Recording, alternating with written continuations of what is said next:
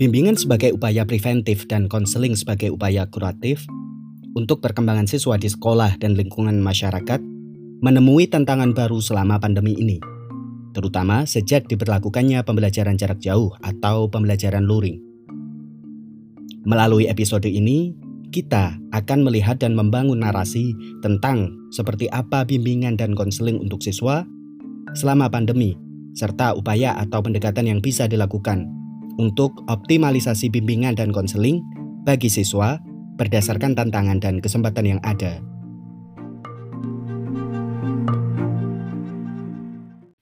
Jadi begini Bu Fitri, uh, pandemi ini tuh kayak memang sebelumnya siswa banyak sekali beraktivitas di sekolah secara fisik gitu.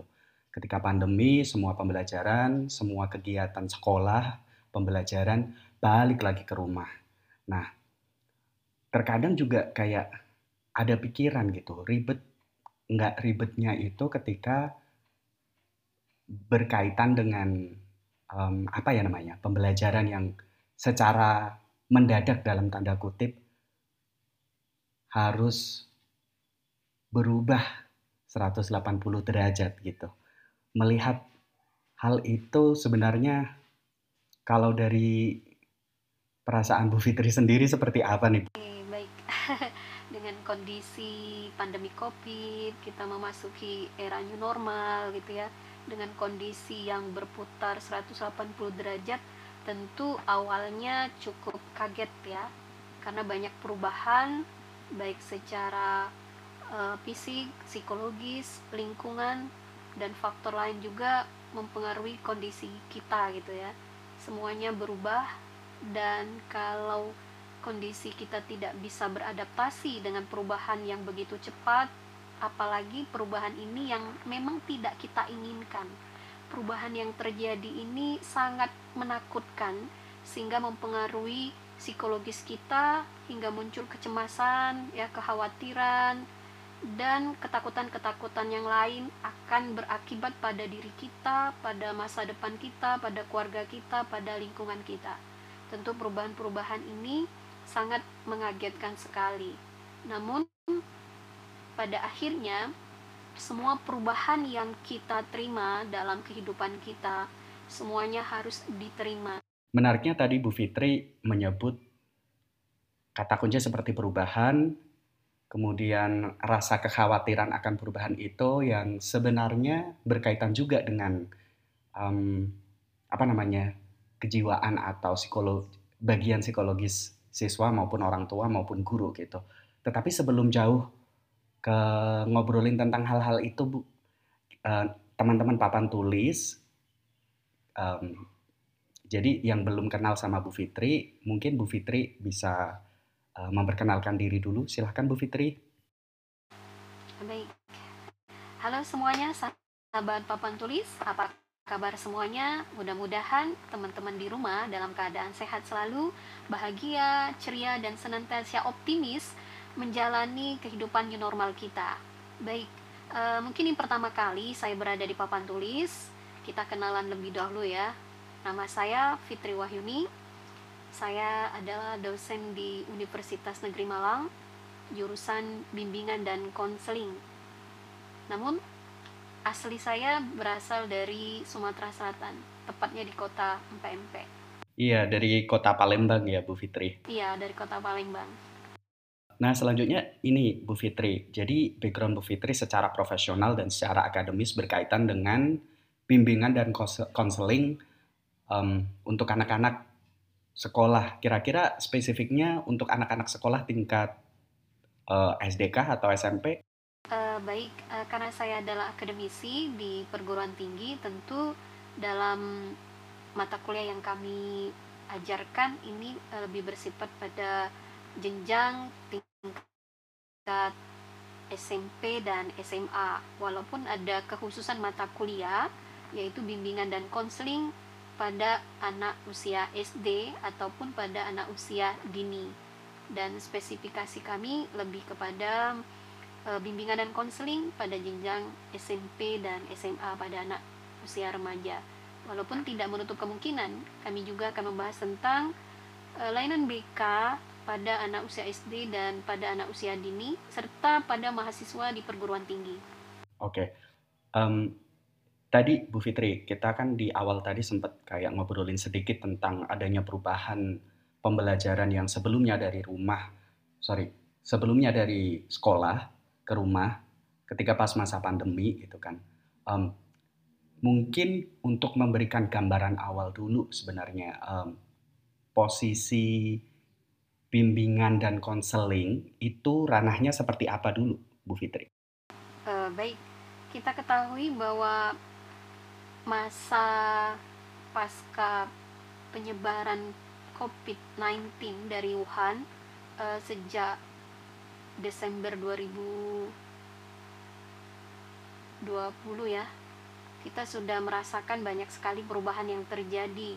Tidak hanya di Indonesia tapi di seluruh dunia merasakan dampak dari penyebaran COVID-19 dan ini tidak hanya ber, e, ber, menyangkut kesehatan secara fisik tetapi banyak sekali faktor-faktor non fisik itu juga kena dampaknya yaitu secara psikologis kepada setiap e, individu secara politik secara sosial secara budaya dan semua ini mengalami perubahan yang sangat signifikan yang terjadinya secara tiba-tiba sehingga e, kebanyakan dari kita tidak siap menerima perubahan itu. Apalagi menakutkan yaitu kekhawatiran akan kematian yang tiba-tiba akan e, mengenai kita gitu ya. Dan tentu saja kondisi dampak COVID-19 yang memang betul-betul mempengaruhi psikologis, kecemasan, kekhawatiran, ya itu kita alami, ya kita alami e, karena ketakutan yang kita alami itu merupakan hal yang wajar. Jadi kecemasan menghadapi sesuatu yang belum pasti, gitu ya, yang belum uh, yang sudah ada di hadapan kita, walaupun ya itu sudah jelas dampak-dampak negatif yang akan kita hadapi ya terkait dengan virus COVID-19 ini tentu saja kecemasan-kecemasan itu akan muncul dalam diri kita. Nah, kecemasan yang ada dalam diri kita itu sesungguhnya wajar gitu ya. Wajar terjadi dalam diri kita. Nah, yang menjadi tidak wajar adalah ketika kecemasan dan kekhawatiran itu berlarut-larut dan berlebih-lebihan sehingga mempengaruhi kondisi kesehatan mental kita. Nah, itu yang tidak kita inginkan uh, dalam kehidupan kita ya kondisi-kondisi COVID-19 ya sampai kita masuk kepada new normal yang mana kita diharuskan untuk bisa bersahabat dengan virus COVID-19 kita diupayakan untuk bisa kembali hidup normal walaupun pada kondisinya tidak semua planning-planning yang direncanakan oleh pemerintah baik itu dalam uh, pemerintahan walaupun uh, termasuk juga dalam dunia pendidikan untuk bisa masuk secara normal itu pun juga tidak bisa dilaku, dilakukan dengan optimal sehingga kebijakan pemerintah mengharuskan kita mengikuti pembelajaran jarak jauh gitu ya. Pembelajaran jarak jauh sehingga semuanya harus belajar secara secara online. Dulu memang program pemerintah eh, mengan, eh, apa melaksa, ingin merencanakan melaksanakan eh, sistem shifting ya. Sebagian di sekolah sebagian di rumah secara daring ya. Walaupun pembelajaran saat ini secara online juga terbagi dua, sinkronus dan asinkronus. Nah, tentu saja ketidaksiapan-ketidaksiapan kita terhadap perubahan-perubahan yang begitu cepat terjadi, apalagi kondisi virus COVID-19 ini dengan varian yang berbeda-beda, dengan tingkat penularannya begitu cepat, sehingga semakin ke sini kita semakin khawatir dan takut, apalagi di Pulau Jawa dan Bali diterapkan PPKM ya tidak hanya Pulau Jawa dan Bali ya hampir semua di Indonesia akhirnya diterapkan PPKM dan tentu saja kebiasaan-kebiasaan kita habit rutinitas kita itu mengalami perubahan. Yang mana orang yang tidak biasa di dalam rumah terbiasa keluar rumah itu juga akan mengalami masalah psikologis gitu ya. Jangankan eh, orang tua yang harus mencari nafkah bekerja peserta didik pun para siswa pun itu juga mengalami e, masalah psikologis yang tidak terbiasa untuk lama di rumah yang biasanya keluar bertemu dengan teman-teman ke sekolah atau ke kampus untuk bisa beraktivitas sebagaimananya mahasiswa dan sebagaimananya. Siswa belajar bermain bertemu banyak orang.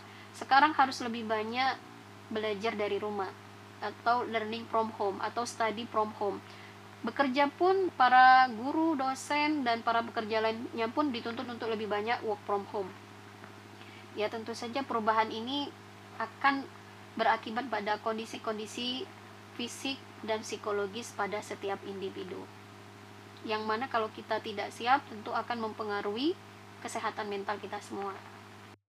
Uh, iya Bu, sebelum kita lebih jauh tentang bimbingan dan konseling, um, mungkin mungkin kita bisa nengok nengok dulu nih tentang narasi bimbingan dan konseling atau bagian B dan K gitu kan BK di sekolah sebelum pandemi gitu kan.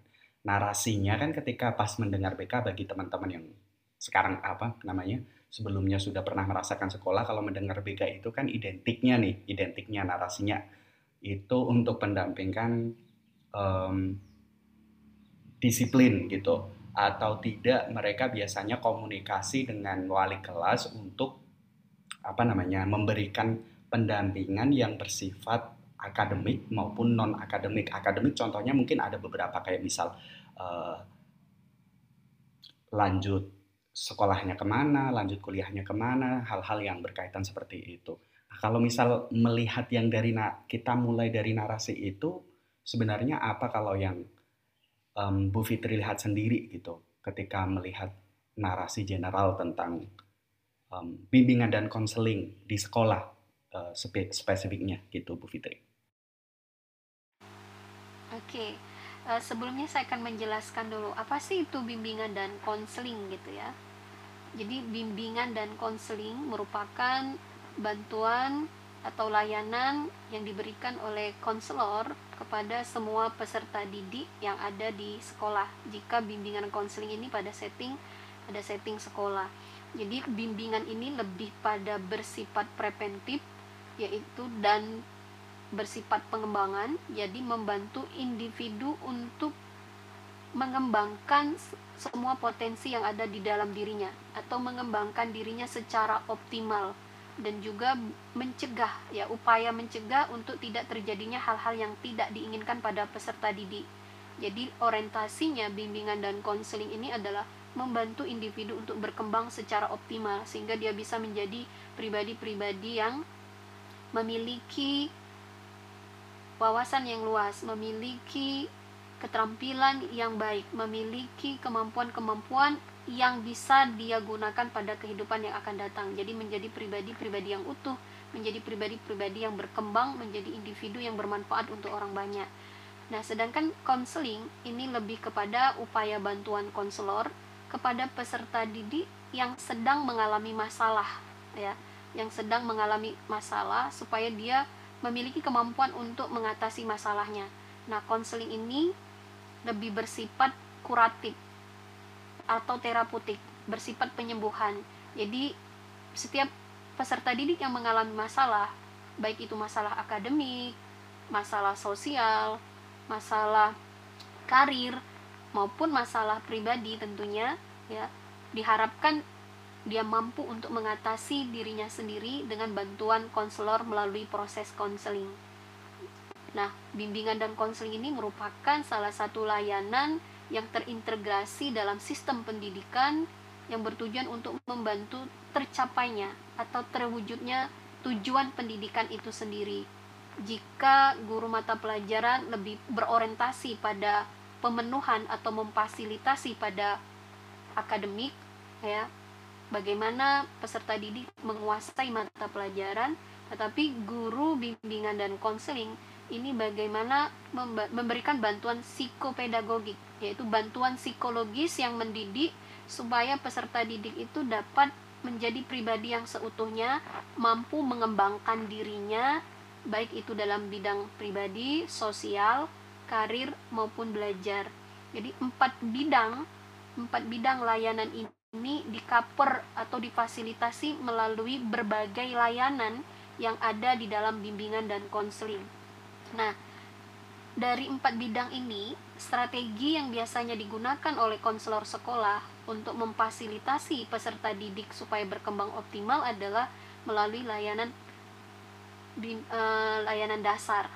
Maksud dari layanan dasar ini adalah memberikan berbagai layanan informasi kepada peserta didik untuk memenuhi semua kebutuhannya. Jadi setiap peserta didik itu memiliki kebutuhan dasar dalam bidang akademik, dalam bidang pribadi, dalam bidang sosial, dalam bidang karir.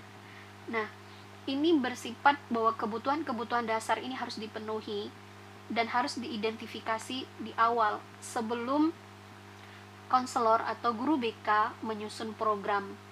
Jadi, layanan dasar ini kita mengidentifikasi bahwa setiap peserta didik itu memiliki kebutuhan pribadi ke dalam kepribadinya itu baik secara fisik maupun psikologis bagaimana dia memperoleh informasi terkait upaya untuk hidup bersih? Seperti apa layanan informasi yang diberikan kepada peserta didik? Terkait dengan uh, perkembangan pribadi lainnya. Bagaimana dia bisa menjalin kehidupannya sebagaimana fitrahnya, bagaimana menjadi pribadi e, layaknya dia seorang perempuan ataupun laki-laki. Itu juga perlu diberikan informasi kepada peserta didik dalam bidang akademik, bagaimana cara belajar yang efektif. Seperti apa gaya belajar yang e, tepat untuk peserta didik. Kemudian bagaimana mengatur belajar, bagaimana memiliki manajemen diri, bagaimana mengenali konsep diri, bagaimana dia harus memahami emosinya supaya dia memiliki kecerdasan emosi. Kebutuhan-kebutuhan dasar yang terkait dengan akademik, pribadi, sosial, karir itu difasilitasi. Tidak semua peserta didik memiliki pengetahuan yang baik tentang bagaimana cara dia bersosial, bagaimana cara e, berkomunikasi yang efektif, bagaimana cara berkomunikasi yang tepat ke, e, yang baik pada orang lain bagaimana dia memiliki interaksi yang uh, luas ya. Tidak hanya pada lingkungan di sekolah saja. Nah keterampilan-keterampilan sosial itu banyak sekali yang perlu difasilitasi. Nah itu merupakan kebutuhan dasar. Terkait dengan pengembangan karir. Kebutuhan dasarnya apa? Dia harus mengenal macam-macam karir uh, karir apa saja jurusan apa yang tepat untuk memilih jurusan yang tepat sesuai dengan karir yang dia inginkan itu perlu adanya layanan dasar berupa layanan informasi yang dikemas dalam setting layanan individu ataupun layanan kelompok dalam bentuk bimbingan kelompok ataupun di dalam setting klasikal yaitu e, layanan klasikal ya kalau dalam bimbingan dan konseling. Kemudian ada juga yang namanya layanan responsif.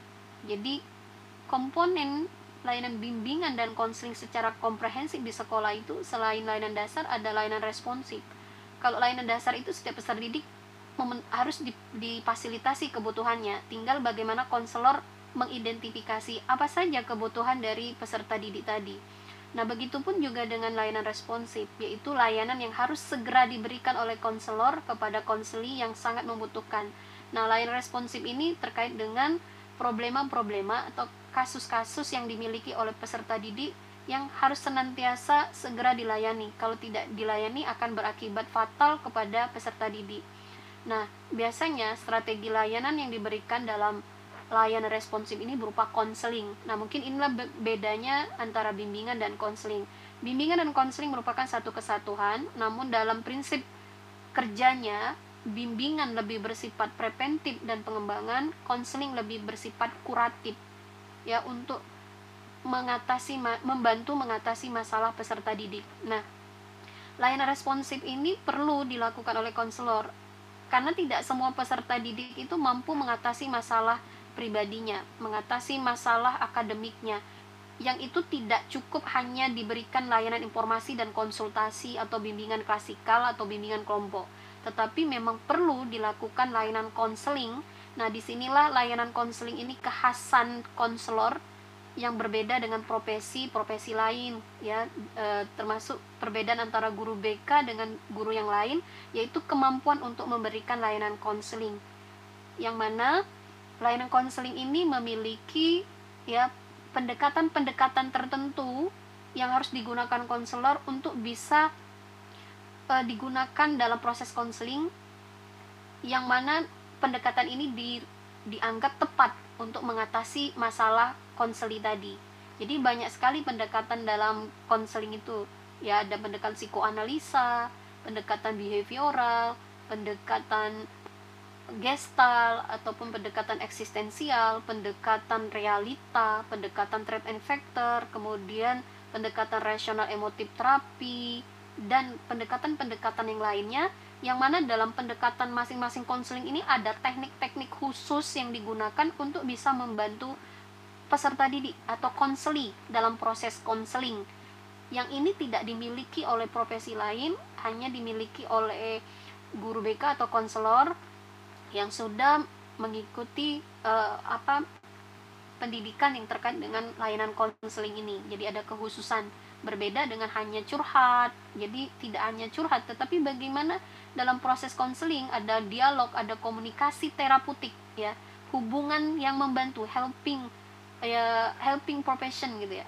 Hubungan yang membantu di situ ada unsur-unsur terapeutik untuk membantu peserta didik supaya peserta didik ini dalam proses konseling disebut konseli dia mampu mengatasi masalahnya sendiri. Jadi konselor di situ ber e, bertindak sebagai fasilitator.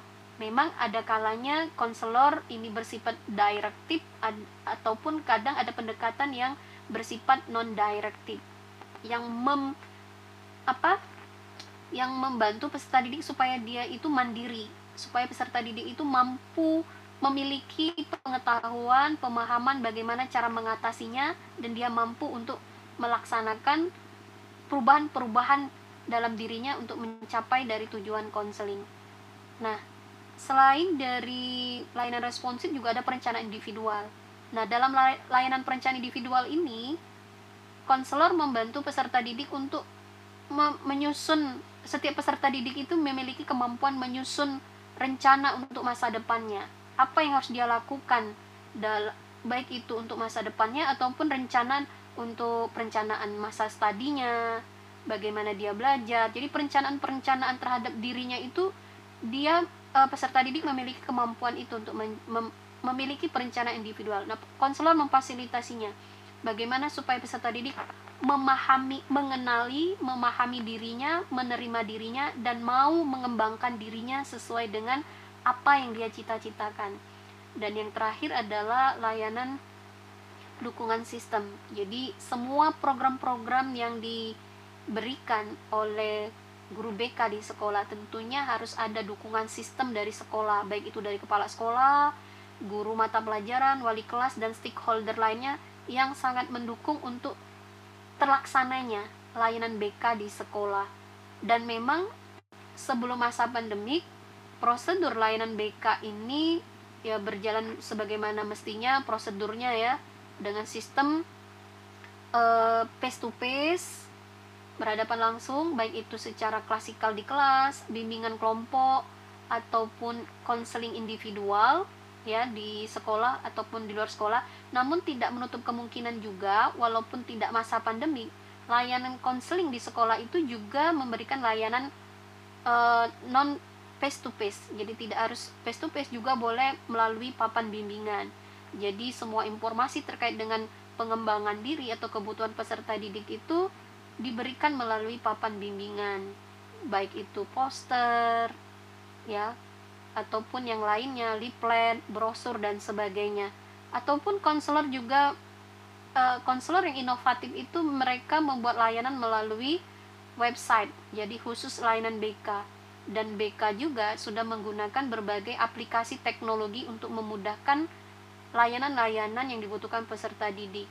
Nah, terlepas dari bagaimana layanan BK sebelum pandemik dan saat ini pandemik? Ya tentu saja saat pandemik ini konselor dituntut untuk beradaptasi dengan pembelajaran jarak jauh maka bukan berarti layanan BK ditiadakan. Malah kondisi-kondisi pembelajaran jarak jauh ataupun proses pembelajaran daring banyak masalah yang muncul gitu ya. Yang dulu kalau uh, di sekolah masih bisa tatap muka masih bisa bertemu dengan peserta didik. Sekarang tidak ya tidak bisa secara langsung. Semuanya harus menggunakan secara online. Tentu saja permasalahan-permasalahan dalam pembelajaran online itu menambah uh, permasalahan yang muncul gitu dari sebelumnya. Permasalahan pembelajaran daring yang di antaranya adalah siswa e, terkait dengan permasalahan-permasalahan teknis ya. Permasalahan teknis bisa tantangan e, jaringan internet yang lambat harga kuota internet yang mahal terbatasnya akses perangkat komputer dan smartphone. Karena tidak semua peserta didik itu memiliki komputer. Tidak semua peserta didik itu memiliki smartphone ya. Tentu saja kondisi-kondisi ini akan menambah permasalahan peserta didik dalam mengikuti pembelajaran online. Kemudian e, belum lagi kalau belajar dari rumah adanya gangguan belajar di rumah. Karena setiap keluarga tidak memiliki kondisi e, belajar yang kondusif ya. Kondisi belajar yang kondusif. Tidak semuanya sama. Bagi siswa yang berasal dari keluarga yang ekonominya menengah ke bawah ya atau ke atas tentu ada perbedaan ditambah lagi dengan kondisi geografis eh, rumah-rumah peserta didik itu juga akan mempengaruhi ya. Ataupun kondisi rumah eh, peserta didik dengan saudara yang banyak tentu akan mempengaruhi kondisi belajar. Karena tidak semua belajarnya dengan nyaman dengan tenang dengan hening ya. Tentu saja akan ada keriuhan-keriuhan jika jumlah keluarga peserta didik itu juga banyak. Belum lagi jika di keluarga tersebut orang tuanya bekerja kadang ada rasa tidak enak tidak membantu orang tua dan kendala yang lainnya.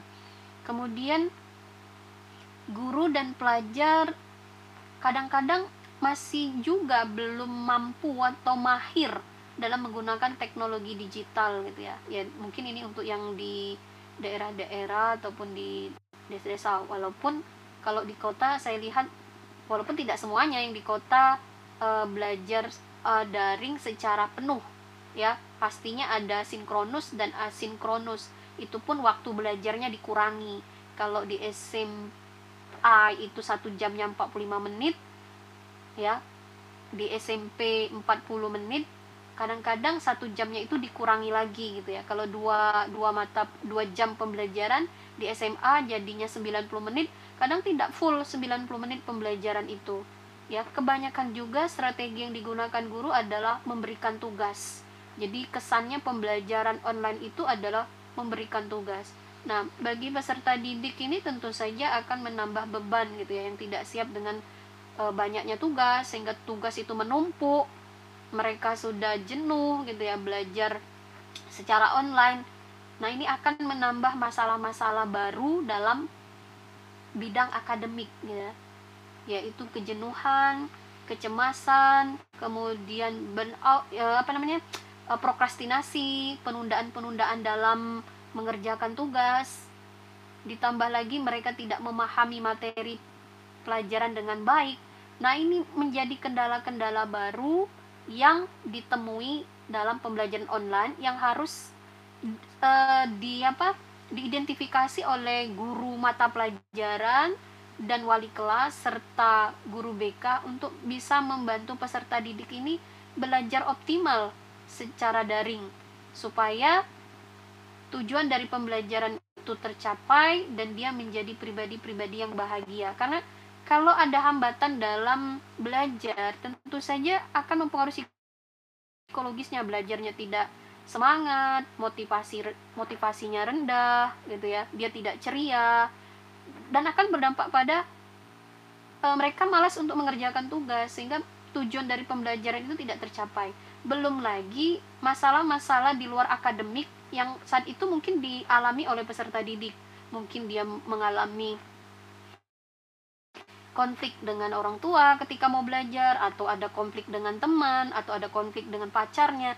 Nah, masalah-masalah pribadi atau masalah sosial ataupun masalah karir yang dihadapi oleh peserta didik pada saat pandemi ini tentu saja akan banyak bermunculan Nah, itu harus diidentifikasi oleh konselor setiap permasalahan itu.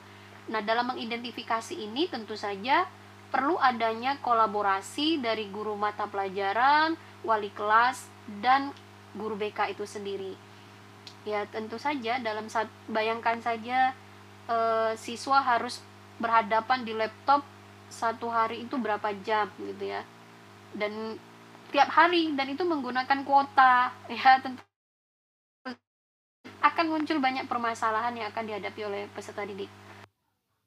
Artinya tantangannya baru, problemnya baru, tentunya butuh pendekatan yang baru pula kalau melihat dari penjelasan Bu Fitri tentang bimbingan dan konseling untuk siswa selama pandemi.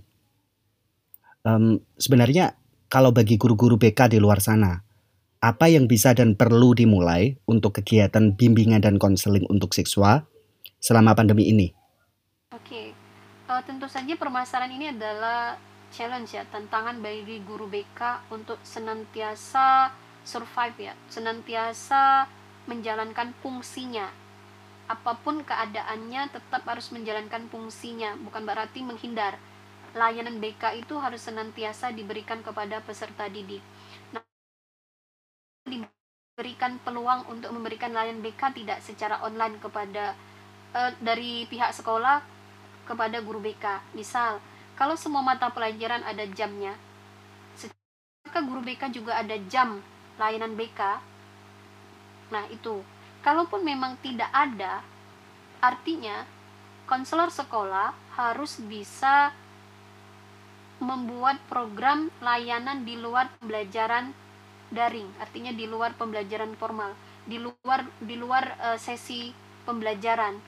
Artinya konselor ini memberikan peluang kepada peserta didik untuk bisa memperoleh layanan konselor ya untuk memperoleh layanan BK di luar uh, sesi pembelajaran. Jadi waktunya mungkin lebih banyak di, dibandingkan oleh guru mata pelajaran.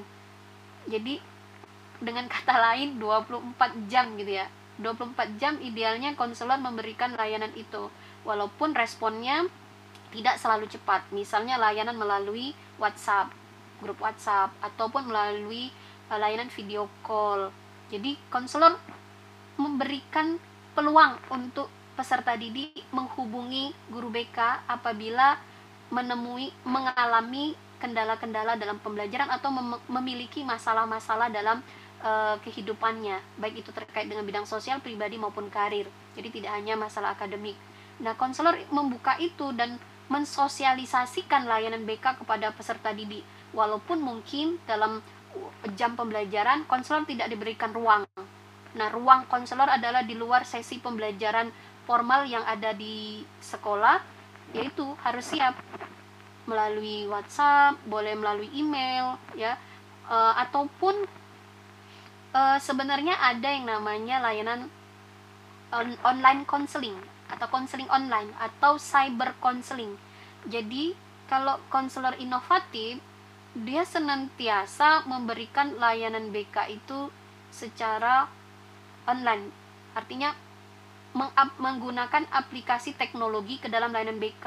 Nah, misalnya melalui media sosial, melalui Instagram, guru BK bisa memberikan layanan-layanan bimbingan berupa poster ataupun video-video yang di uh, share melalui IG gitu ya, Instagram ataupun Twitter ataupun Facebook atau juga bisa men-share-nya melalui YouTube ya. YouTube milik konselornya atau YouTube sekolah di mana siswa diberikan link-link itu supaya bisa mengakses sehingga mereka mendapatkan informasi.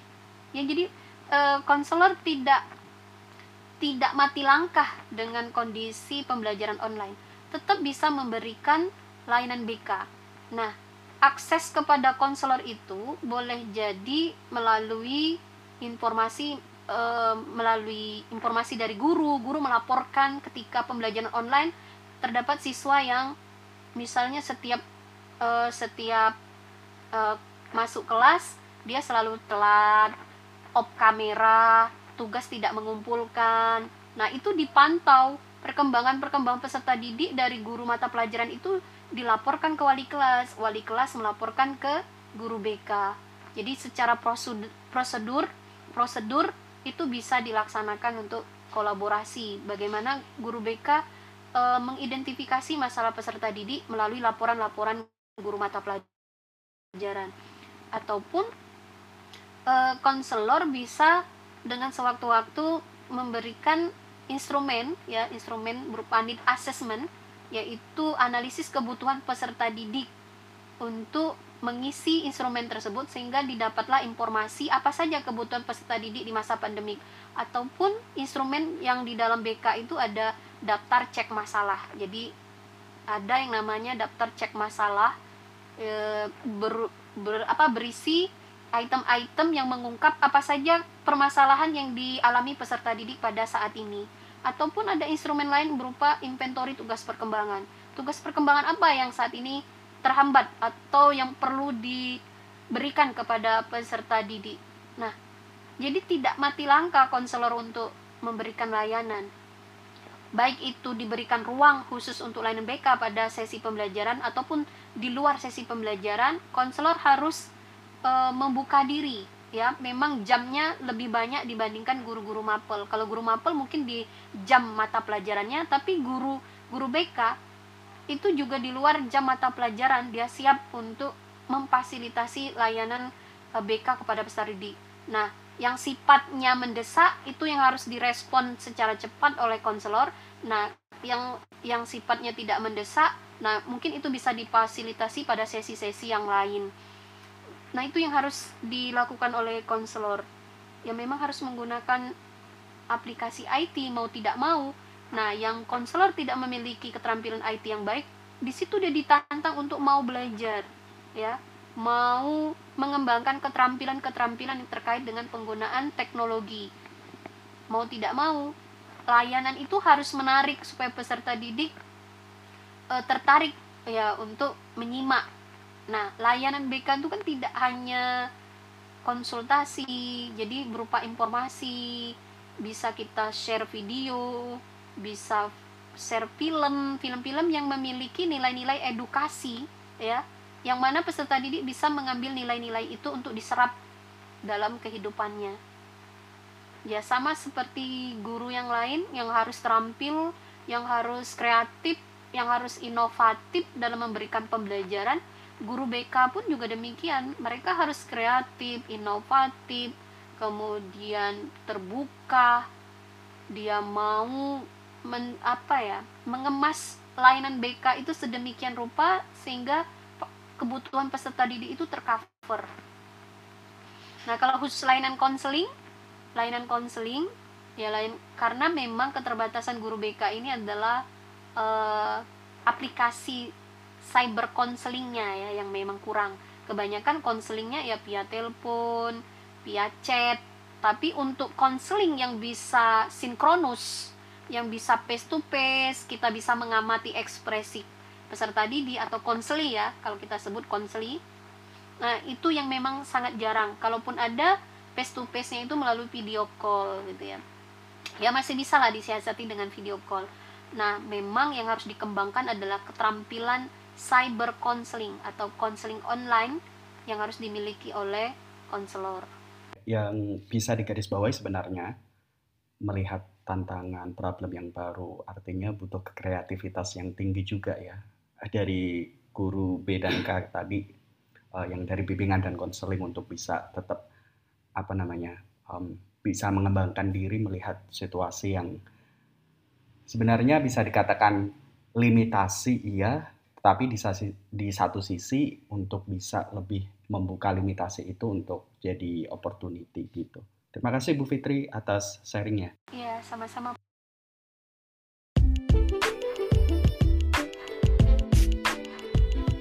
Terima kasih telah mendengarkan dan ikut serta membangun narasi pendidikan yang lebih baik lewat papan tulis. Ikuti kami di Instagram at papan tulis podcast. Dan juga ikuti episode-episode papan tulis dari mana pun teman-teman mendengarkan podcast.